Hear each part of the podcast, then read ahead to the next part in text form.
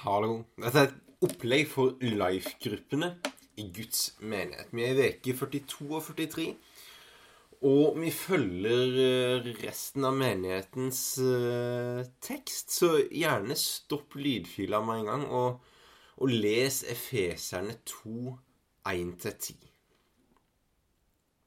Det her er noe merkelige greier.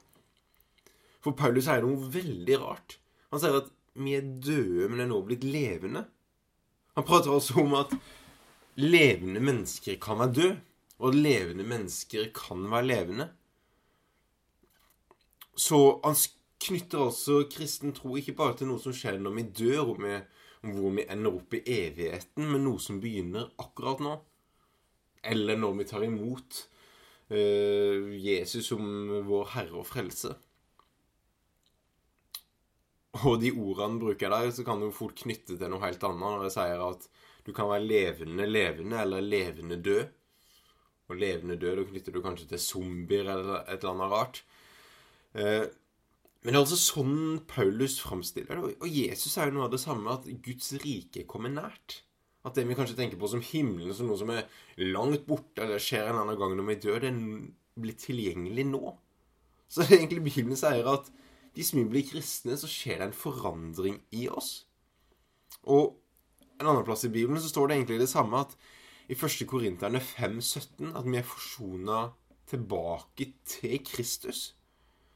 Og hvis vi som mennesker skal på en måte bli gjenoppretta til det vi egentlig var skapt til, så er jo vi vi er en sjel som bor i en kropp og har en ånd. Og vi ser jo mest kroppen vår. Og så kan vi kanskje tenke på sjela vår som våre følelser og tanker og sånne ting, og at ånden vår er det evige, det som er Gud. Og hva betyr da det? At når vi som kristne så blir vi Så ønsker altså Gud å forsone alt det her tilbake til Han. For det er ikke alt som bare skjer momentant. Eller når du blir kristen, så er det noe som skjer momentant, og det er at Guds ånd kommer inn i oss, og det kaller vi gjerne frelse. At når du sier ja til Gud, så, så skjer det en forandring. Sånn at om Jesus skulle komme igjen i dag, eller at du skulle dødd på vei hjem fra life-gruppa i dag, så, så er du merka med himmelen. Så det er den plassen som du da har din, eh, din framtid. Men så er det gjerne noe mer òg knytta til det her. For eksempel for min del så så var det kanskje første punktet når jeg sa ja til Jesus hjemme på kjøkkenbenken, der jeg ba en bønn sammen med mamma i sjette klasse, tror jeg det var. Men heldigvis så stopper ikke ting der, da. Gud har fortsatt lyst til å møte oss og lære oss nye ting. Så en gang da jeg begynte på tror jeg var i niende klasse, og vi var på en skautur med noen kompiser.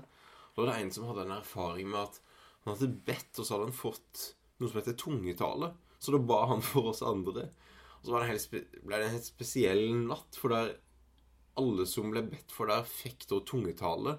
Som betyr egentlig å bare prate et nytt språk. Hvis du er født på ny, så har den òg et nytt språk. Um, som er et sånn bønnespråk til Gud.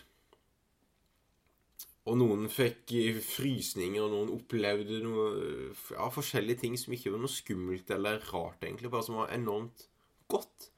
Og så var det en erfaring med Gud. Um, så opplever folk det forskjellig, men, men altså den første tingen Gud ønsker å forsone tilbake til Han, er, det, er ånden vår. Og den andre tingen er sjela, altså tanken og følelsen og fornuften vår. Og det er jo sånn at hvis La oss si at det er en som aldri har vært kristen, så plutselig så blir han kristen. Og forandringa skjer jo med en gang at Guds ånd kommer inn i ham, så han tilhører jo Gud.